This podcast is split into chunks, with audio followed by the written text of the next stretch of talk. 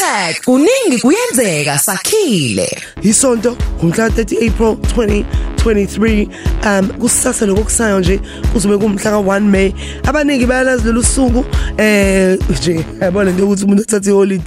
Uyazi iholiday kodwa futhi awazi ukuthi iholiday lani uyazi ukuthi long weekend kodwa futhi awazi ukuthi hawazi ukuthi lesingakho omunye umuntu akazi. Siyabuzana ukuthi nje. Lisa namhlanje ngoba hayi isidudla sempela sonto lesi. Kodwa kubalekile ukuthi yonke into siyazi eh ukuthi isukaphi njengoba silana eMzansi. Ikakhulukazi usuku la kusasa ke esikubiza ngosuku labasebenzi workers day ababiza ngo May day umhla 1 May ukuthi bonke abantu nje abasebenzayo abaphumule ngalelo suku sikhumbule nokusungulwa kwama union eh emsebenzini namalungelo abasebenzi kanjalo kanjalo. Kodwa sike saba nezingqinamba eMzansi Afrika. Ngiyuzila uMandla ngicela ukuthatha ithuba ngikhumbuza ukuthi yabona nje leya lockdown leyana yashiya abantu abaningi bengasasebenzi kade besebenza. Lo kade bheka umsebenzi abanga asaba nalo lalo gqozi nofuthi fuqu fuqu ukuthi ngihamba manje ngiyobheka umsebenzi ngiyaqhubeka. Eh omunye uyalibuka nje usuku la kusasa uthi yabona nje manje ningangifaki ningangibali ngoba mina ngiyuno 63.80% wabantu abasha ongasebenzi eMzansi Afrika. Ngisho ngithi nkosi yami. Yabona nje inhliziyo yami ebabhlungu eh nami ngike ngaba kuleso simo leso ngumuntu omusha. Hayi kushayela u35 manje khuleka ngisekho angisekho kuleyo kuleyo market kodwa nje isimo sona uma usibheka sibabhlungu unyaka wodwa iminyaka emibili nje uba lokuphazamiseka ukuthi ayibone indaba yomsebenzi eh kusasa abantu bazobe bejabulile bephumile bebrayile kuzobe khona imicimbi emkhulu mayelana nabantu abasebenzayo. Wena ongasebenzi noma wena onelunga lomndeni ongasebenzi ukuthi ungamqhuquzela kanjani? Ungambonisa kanjani eh nawe unga uluphi ulwazi ongasukuma uhambe uyoluthola usizo eh mayelana nendaba zokusebenza. Uma inkinga isekhaya noma inkinga ikuwena mhlawumbe indlela ucabanga ngayo indlela osuke wenza ngayo izinto zangalunga omunye kuthiwa hayi akasaqasheki. Kusho ukuthi impilo iphelile yini? Umuze sibuza namhlanje kuseni sithi hashtag eh sihleli nje emhlabeni sithi hashtag indaba ezinhle izinto nje zimana ukwenzeka. Konke emhlabeni kuyalungiseka. Konke emhlabeni ungathatha umqondo wakho utshela ukuthi awuthini. Noma lesimo semsebenzi sinje ngelinye ilanga sikashintsha lalela ukhozi FM latholakala ulwazi latholakala usizo eh sinazo ihambeli zethu namhlanje. Ukhona ubaba uSomahash eh uzosicebisa ngazo lezi indaba lezi kakhulukazi ukuthi mina ngingayilungiselela kanjani. Hayi ukuthi uhulumeni angangenzelani. Eyingoba sikhathini esiningi sikhula sabantu wazi ukuthi uyafunda uyahamba uyosebenza. Uma wasebenzi kushuthi khona into ewrong ngobuholi bethu noma into ewrong umphakathi wethu. Kodwa mina ngiyuzandile uzini madladla yini engazenzela yona ukuthi ngiphile? Ngiphile nje inkosi yami ngoba umunye angasho ukuthi angisebenzi kodwa ngene business angisebenzi kodwa ngiyadayisa angisebenzi kodwa uyabona? Ikhona indlela la ophila khona. Ngicela ukuthi ngizwe ngawo umlelo cause 071 613 6667 ukuthi nje usangilalele sithi #ndaba ezinhle wena udlulile kuleso simo ukusona leso simo manje ukuthi lo lusuku la kusasa mhlambe alwehli kahle kuwena. Yini esingayilungisa ukuthi ubonisise kahle? Okunye kwenzakalayo ukuthi ngosuku labasebenzi khona aba abangalijabuleli lo suku ngoba eh indaba yomsebenzi abazange bayibone empilweni yabo ihamba kahle noma eh kade kukhona kuyisingwa kusekho ngenxa yezimo esidlule kuzona ezweni lethu abantu abashayo kulindeleke ukuthi kufike ku 60 63% mekuphela nonyaka 2023 i-unemployment rate abantu abasha abangasebenzi. Khona nalo 35 ongaphezulu omunye futhi. 35 iminyaka awusawena umuntu omusha. Kodwa usangakwazi ukuthi usebenze kodwa futhi akusebenze akutholakali. Uthola ukuthi umuntu usephila nje impilo. Ecikiciki omunye uphuza kakhulu omunye nje ubona ukuthi nje yena nje ayizalele nje hooray yabona? Ngoba manje isipho sempilo umuntu akasakwazi ukuthi azithanda azibheke azinakekele ubona ukuthi nje empilweni usephosithawula yena noma kungenzeka noma yini. Okuba into ebuhlungu. So mina ngiyuzila umadlandla ngiboya kakhulu bathi diyeli bohlelo laphayana thoza mangwenya ehambisana naye umanqoba mazibuko. Ukuthi asibheke ngelinyiso le ndaba ukuthi hayibo eh lo muntu othintekile sikamqhuquzela kanjani? Iziphi izinto angayibheka? Ikakhulukazi kwezikamoya sabantu eh ungaya kuma muslim ungaya kuma juda ungaya eh, enkolweni ehlukahlukene naseAfrika nje. Kodwa uyabona ukuthi wonke umuntu unendlela owenza ezimsizayo ukuthi izinto zenzeke eh kwezikamoya zivuleke ukuze zivuleke nasempilweni eh sibona. Ngalesikhathi uconfused usuzame konke. Ey ngoba. Ya workers day kusasa bazalwane ngiyachazela nje. Angena ama voice note 071 613 um laphayana ku Twitter @cozy_fm at DJ Zio for life #dabezinhle lwe holiday nje ayi lufana nje nezinye insuku ngoba nje ngikhuluma nje thina ngapha kwezamatrug sisebenza ubusuku nemini holiday nesamathi isonto nomgqibelo umgqibelo. Nolesithathu so nje umehluko obikho phezu kwakho konke siyahlukumezeka sinengcindezi ngapha iy'mfuno zethu afezeki sihlezi nje sikhala-ke nje thina-ke kakhulu. Kubuhlungu nje futhi impela ukuthi ubona abanye abantu behleli endlini nina nikho nibhizi niyasebenza ekubeni nemali eniyitholayo ayinelisi namalungelo ethu asacindezelekile. Mangibonga uzekhaya kanjoko lempangeni. Ndaba ezinhle. Ngibingelele zili madladla makandaba eyokhaya shabala leBackville cha nami ngithi usuku lakusasa ngingomunye elizongifica ngithi ngiphethe izindaba ezingehli kahle ezokuthi ngo2019 kwaphela umsebenzi ngisebenza kahle. Kodwa ke ngathi cha impilo ayikwazi ukuma. Mangizame ngigaye ngomunye umhlathi ngavulela ibhizinisi lihamba kahle. Konke kubuyele esimeni #ndaba ezinhle ngiyakuchazela nje. Ngiyabingelela ukhosini nakubalaleli bonke osukwini lwanamhla olukhulu ngolwabasebenzi alisekho lijabulisa ngalo lolu suku ngoba siney'ngane y'fundile y'hlezi ziyaginqeka nje emakhaya. Kayisebenzi umsebenzi awukho. Akukho nje okuhle ngathi kuyenzeka nabathi bayasebenza umsebenzi yaphela sekuyimpilo nje ngathi hayi izwe lethu seliphenduka isokho sikhona kodwa sithembe ukuthi ngelinye ilanga kuyolunga. Hashtag eh, ndaba ezinhle yabona um sizile to be honest mfowethu ukhuluma nophumlano kathabede efryhead ebhekuzulu ophila nje ngesiphaza yes maybe uyabona nalami kwi-profile pic yami um ngiwumsakazi we-local radio station. You know ukuthi kuma-local radio station akuholwa mfowethu alikho iholo. Kodwa nje ngiyibambile esiphaza ngiyazama ngiyapatanisa kuyabheda sisi akukuhle. Abantu abanamali. Yabona nje eh nami sengilwela nje ukuthi mangenza izinto ezithile ngalwela nje isedini lokuthi ngikwazi ukuqhubeka nempilo. Kodwa ngingamgqugquzela nomunye umuntu omusha ukuthi mayibona ngasekhaya mhlambe kushoda indawo edayisa amaveji abazame abazame ukuthi eh kuvulelele lokhonanyana kodwa leli khona lokuthi sihlaleni khona siyoganga sibhemane nento ezibhedayo yazi mfethu ungawenza umehluko ngakini. Awukubheke nje estradini sakho ukuthi ngabe yini eshodayo. Nguphumlana wakathabede hashtag umr. Lapef impela nje okhona la ebhekuzulu onesiphaza nje ophila ngaso. Cha amadladla uhulumeni angeke ehlale singamfaki ngaphandle ngoba kumanje uyena osigqugquzela ukuthi asiyovota uzosivulela amathuba omsebenzi.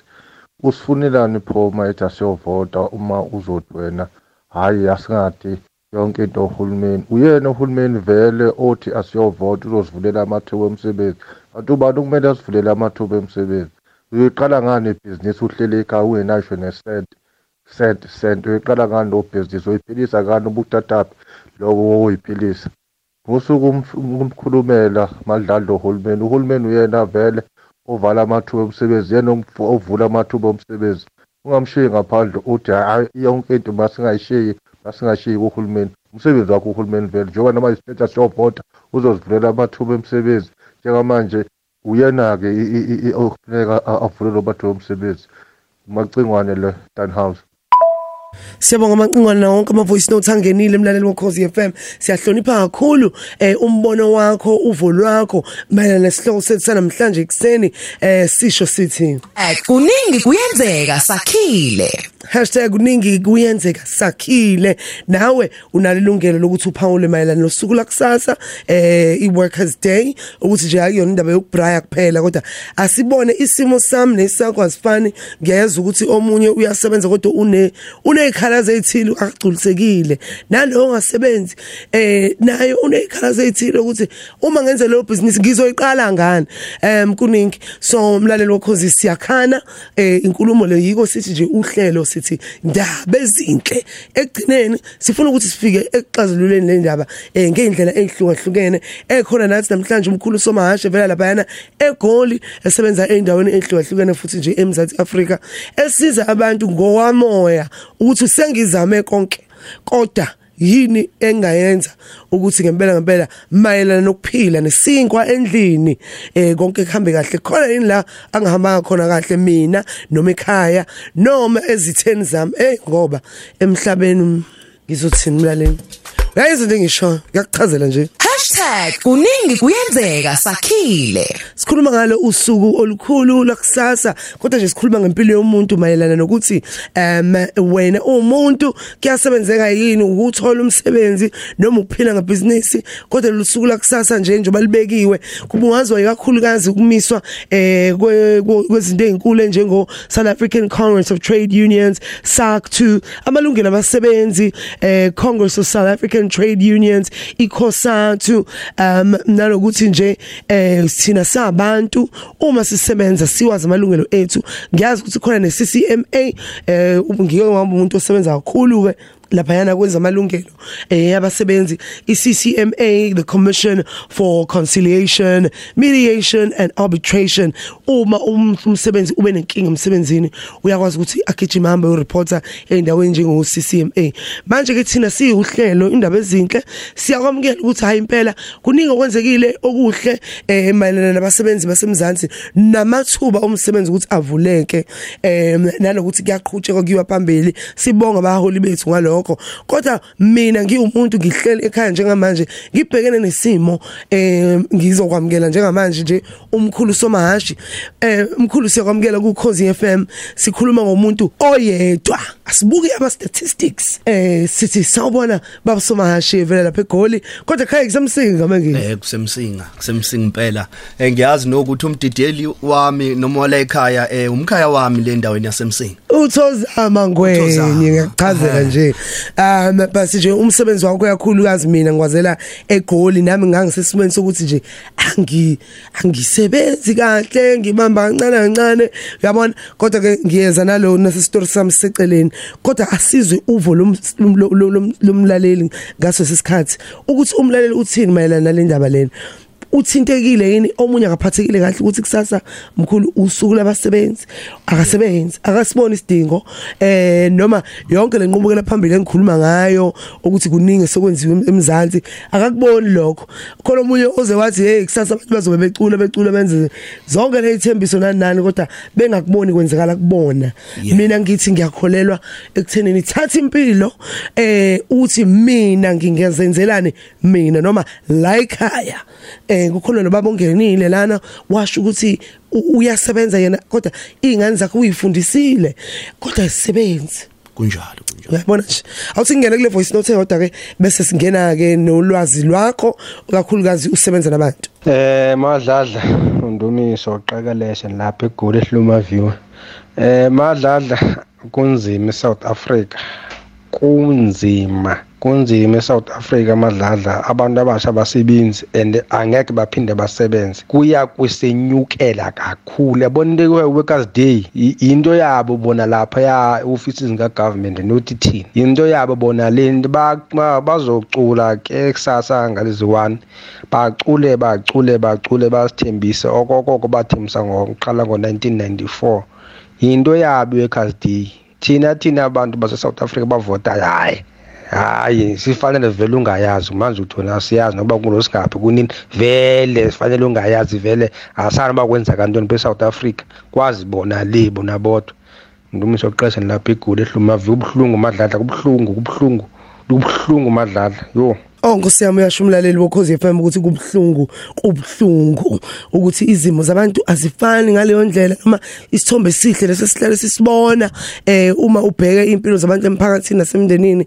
Akunjalo eh nomunye osebenzayo uphathe kabuhlungu ngalo owakubo ongasebenzi. Kodwa ke eh emkhulu somashi namhlanje kuseni nje sibheka kwelika moya ukuthi mina ngiwumuntu yini engayenza? Ukuthi kahle kahle. Lezi zinto zami zingilungele kakhulukazi mayelana simo somnotho eh nesimo sempilo. Thina eh sikhule umuntu omnyama ewumuntu ocebile kakhulu. Kunjani? ucebe ngemfuyo eh ucebile ngezitshalo ucebile umuntu omnyama nje? Ngetalent nje. Eh wena golide izinto ezikhona la eAfrica ez- ezimbiwayo kodwa ziyathathwa zitholakala ukuthi ke manje seyishiya umuntu omnyama engasebenzi. Engenalutho. Manje uyayibuza umuntu ukuthi hayibo ibhadini? Noma khona la ngenze khona kabi? Kusuke kwenze njani mkhulu? Benibuka nina njengabantu abaneso eh elibona kwelika moya Eh madladla namhlanje sibambe isihloko esibaluleke kakhulu futhi ngiyabona abantu abaningi banenkinga masithinta indaba yokusebenza. Yeah. Igama lokuqala engifisa ukuthi ngiqale ngalo ngizoqala ngaleli lithi konke kuyenzeka kumuntu. Ngiphinde ngithi okungenzeki kubantu kuya kuyenzeka. iBhayibheli lisho kanjalo. Yeah. Ngi- Ngilana ke indaba yokungasebenzi kwabantu eh ngike kafika omunye umuntu ngelinye ilanga kimi wathi mkhulu sengizame konke ngiyawafaka ama CV ngafunda mina. Ngiku- ngizame konke manje. Ngithi mina no ake si- ake sihlole. Ngoba into ehamba hambe bese ikubeke ekuthenini umuntu yini emusa phambili ukuthi sihlole ukuthi yini levala impilo yakhe. But sithema sihlola sangathola ukuthi aka- akathakathiwe lo muntu. Kodwa yena uyena o- o- imentality yakhe. Isimphazamse kakhulu. Ekuthenini kwaba negama mhlawumbe ukuthi yena eh wazalwe embethe fanele enze umsebenzi kuze ezothola umsebenzi. Akanawo amandla ukuthi enze lo msebenzi. Hayi. manje yena usethi mina ngisamakethi ngoba phela nginawo amandla. Ngasho ngithi ngathi ngabona ukuthi manje kudingeka ukuthi thina sabalaphi bendabuko siphinde abantu sikwazi ukuthi sixoxe nabo ngokubanika ithemba. Abantu abu- ababuyelwe ithemba. Abantu abangathembele ekuthenini mangabe ungasebenzi ayikho enye indlela ongaphuma kuyona. Ungaliqala ibhizinisi lakho liye phambili. Ufike komkhulu somashi ngoba into ebaleke kakhulu ukuthi thandeka phela.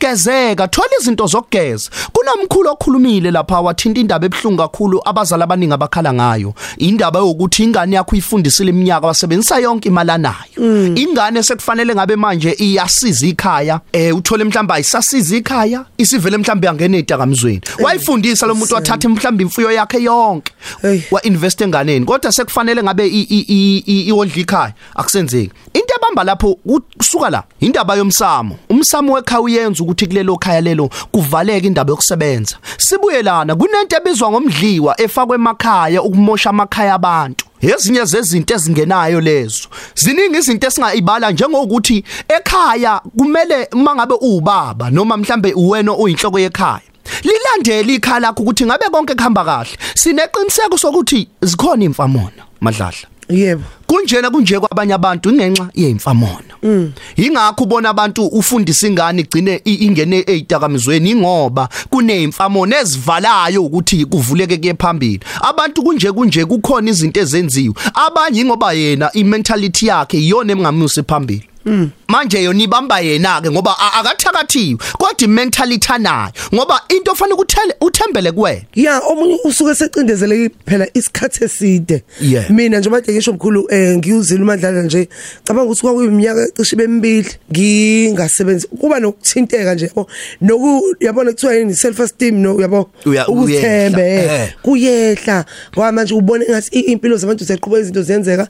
Kodwa nje until mkhulu nami ngaba umuntu oza kuwena ukuthi yazi uthini eh nginje nje nje abazali bami bangisizile ngifundile kodwa nje angiboni kahle hle siyakhuleka senza konke siyamthanda uJesu eh siyabonga impilo siyahlonipha kodwa nje kuno block uyabo? Noma kunechashaza ukuthi hayi wena nje engathi futhi ngeke uphinde angeke kwenzeke noma mhlawumbe angideleliwe ukuthi ngisebenze angisazi se- sengiconfused. So ingqondo iyathinteka eh umuntu onjengalo nim- nimsiza kanjani nimlapha kanjani eh okwami ngiyakhumbula kwakuyona okomkhuleko no naloko kokushintsha komqondo njengobusho.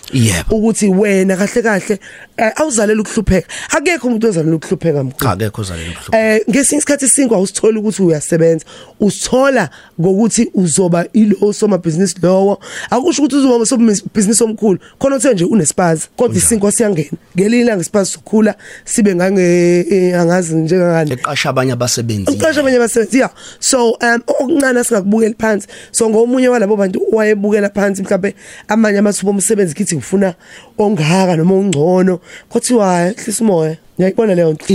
Yakho. shintsha indlela ocabanga ngayo. Iziphi ezinye indlela enisiza umuntu ngaphandle kokushintsha komqondo eh umuntu nje ukuthi alungise izinto zakhe mayelana no- nomsebenzi nokuphila ukuthi zibe right.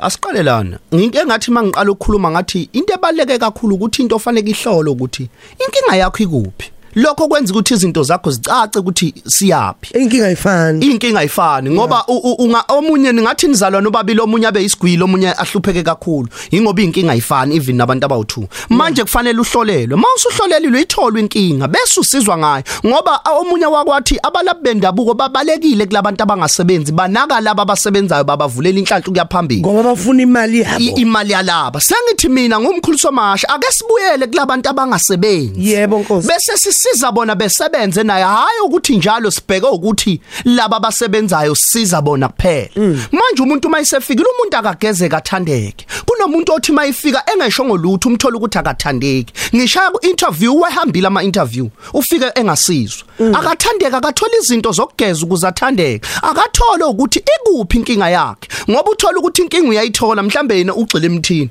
Kanti umuntu awumhambiseli fanele asebenzise iswasho ngoba kuyahlukana lezi zinto ukuze uzokwazi ukusizakala phambili. Kumele ukuhlukanise nawe uma uyohlolela uthole ukuthi lo muntu uthi uzosizwa yini ingabe izibani? Ngoba kuyenzeka ukuthi akuthola izibani uyokwenza u1 no2 no3 bese uyakwazi ukuthi uphumelele uye phambili. Ngoba bakhona abasebenzayo kodwa uthola ukuthi uyasebenza kodwa ubulewe.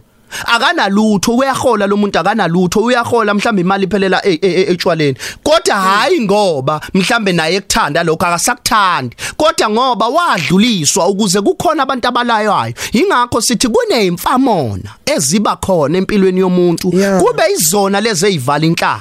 Kokunye ke kusokuyinkinga esekhaya ukuthi i- kunalento eyisifungo sekhaya ukuthi cha la ekhaya kufanele kungene imoto.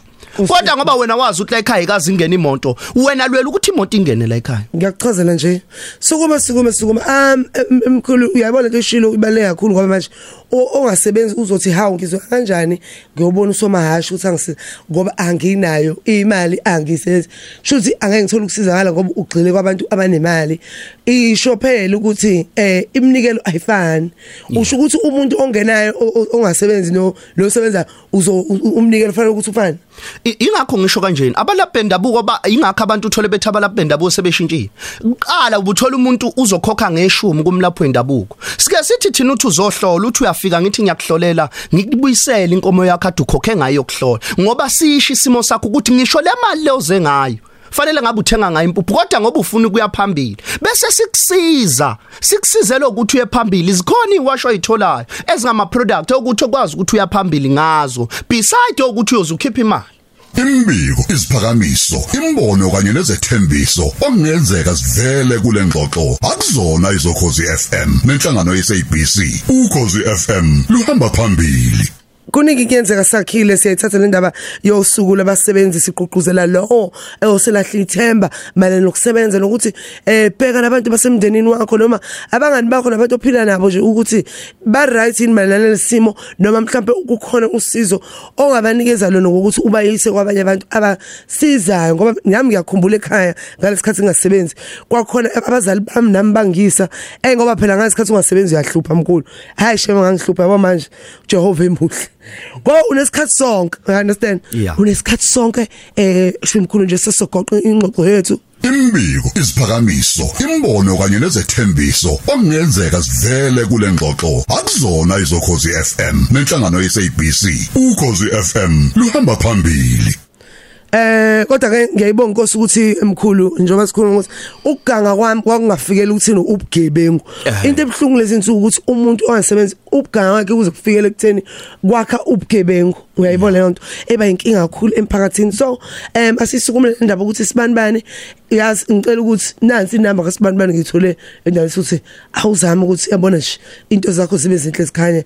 Awudalela ukuthi ube isigebengu eh udala ukuthi udlala amadoda manje wena ngosebenzi hlezi udakiwe hlezi wena nje njengoba le dakamizwa ethi ukhuluma ngazo umuntu sekulula ukuthi awele ezintweni ezimbi ezibhlungu eh empilweni umuntu osuke ngenjalo. Sesidala umuntu awudalelwanga um lezo zinto. Awuthi ngidlale i-voice note lapha yanokugcina ngene na ku-twitter eh bese umkhulu somashi siyagoqa naye mayelana nalesi sihloko asitshela ukuthi utholakala kuphi nendawo eh wasipha nethemba nje namhlanje kuseni umyalezo wokugcina ngaphambi kokuthi um ahambe. Ah waze wayibeka lapho umsakazi wami wayibekela umhlonishwa layo. Okubalekile njenge ngikufise mina ongazathi eh leyo kwakhelwa izindlu ufakwe amanzi yonke into ogesi ntontoni uyabona mangabe usebenza abantu besebenza bonke emhlabeni umhlaba kaNkuluNkulu mkhulu kakhulu yasenela kuze kube ngaphezulu kuvula amathuba omsebenzi basebenza abantu. Ungaza kukhela yonke lonto leyo uma unemali impilo ilele emalini ukuze ube right. Ngiyabonga okhuluma am surprise gajeni siyabonga kakhulu surprise nawo ama voice notes angenile. Mkhulu wena wakwasebenza noma wavele wabona ukuthi hayi angisebenza abantu. Engamaketha kakhulu. Kodwa hayi ukuthi ngiye ebunyangeni ngoba ngingathola umsebenzi. Ngathi mangilandela ukuthi kanti mina indaba ngingaqashwa. Ngathola ukuthi le ndaba yesiphiwe lokhu yaphakama ngayibalekela ngase ngiyozama indaba yokufunda. Ngithe mangizama indaba yokufunda yasiphakama mawala ke le ndaba yokulapha abantu. Kwaze kwangithatha ekuthenini angiwuthathe lo msebenzi njoba ngiyilana namanje. Kodwa sengibasize kakhulu abade befisa umsebenzi ngoba mina ngiyakwazi ukuthi ngikusize bese siyabona ukuthi ngoba usuyasebenza usuyobuya ubonge kamkhulu somasho uthi hayi ngasizakala la ekhaya. Siyabonga mkhulu kubaleka kakhulu um ukuthi ilona lo abe nethemba umyalezo wakho okugcina nje ekuthenini umuntu eh asingabheki okungaphandle kuphela asibheke okwamoya okwasekhaya okwasendaweni la okuyona sometimes nje kule ndawo okuyona kunezinto nje. Eyicindezela indawo nje. Bhoko sisibalana nje abasebenzi boko hayibo uyabona kungaboneki ngathi kunokukhanya ekuthizeni siqaqe ibopho ngomkhuleko eh nazo zonke indlela uJehova asiphe zona umyalezo wakho em wokugcina. Engingakusho ngizothi lokho kukusizayo bambelela kakhulu kukhona. Ungakuphenduki la usizakala khona. Uma kuukuthi ubambelele ebhizinisini liyakusa phambili bambelela. Uma ukuthi uzama indaba yomsebenzi awukathola ukukhanya. Musa phela ukulahla ithemba. Qina kakhulu uqhubeke kodwa iba nayo eminye imizamo ngaphandle ukuthi lokhu marketile noma iba nayo eminye imizamo ukuthi uye kubantu abangakwazi ukuthi bekusize kule ndaba ukuze uye phambili. Ungayizilahleke ungalahle amathemba wonke. Uziphose idakamizweni uyiphose lapha nalapha. Musa ukulahla ithemba ngempilo yakho ngoba awazi ukuthi wabelwe ini. Mhla mhlambe wena impilo yakho isendabeni yebusiness mhlambe impilo yakho wena isemsebenzini. Kodwa uyasebenza. Mhlambe lo msebenzi osebenza kuona kakabi wona. Ngoba idlozi noNkulunkulu bayazi ukuthi bakubekeleni bakwazi useyihlwile. Njoba bekwazi uyihlwile iningi into abangayenza kuwena bese ba ukukhanya. Yebo Nkosi ngiyachazela nje. Sibonga kakhulu uNkulunkulu somashi iziphi ezinye izinto abantu basiza ngazo? Utholakala kuphi nendawo?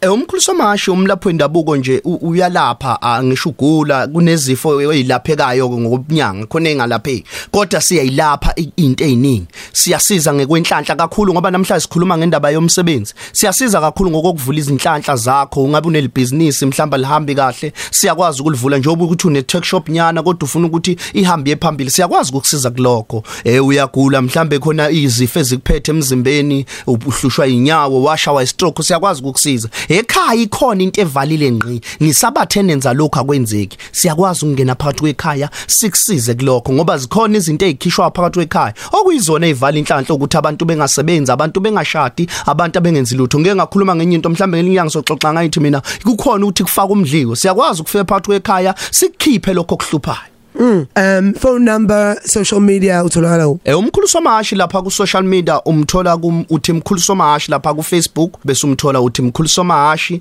bese ku TikTok usomahashi 98 eh inombolo yakhe atholakala kuyona ke it's 063 649 3935 063 649 3935 enye it's 067 020 3946 067 020 3946 #kuningi kuyenzeka sakhile Sibonga isikhathi sakho umkhulu somahashi nanokuthi ukuhlala kwakho eThekwini engathi ngaba kuhle eh, ngiyazisebenzela kakhulu eGoli. Hey ngoba Nkosi yami na- nami kwashiwo kwathiwa ngelinye ilanga uzosebenza kuKhozi FM. Ning- Ningitshela ngi- ngingasebenzi ngingaunderstand ukuthi hayibo labantu. Eh bese hayibo. Ngayithatha nje ukuthi ngelinye ilanga umuntu uzosebenza kuKhozi. Leso sikhathi ngikhulumela isingisi sijulile. Ngifundele ngifuna nje umsebenzi ose-officeini thizeni ngoba uma usuyitshelile ngempilo kodwa nje ubusho ukuthi ngesinye isikhathi uNkulunkulu unezinye inhlelo umuntu nje anga angaqinisa ikhanda qinisa ikhanda abe nenkani em asilalele sikhule ngendlela ehlukahlukene. Siyabonga mkhulu somahashi siyabonga. #kuningi kuyenzeka sakhile.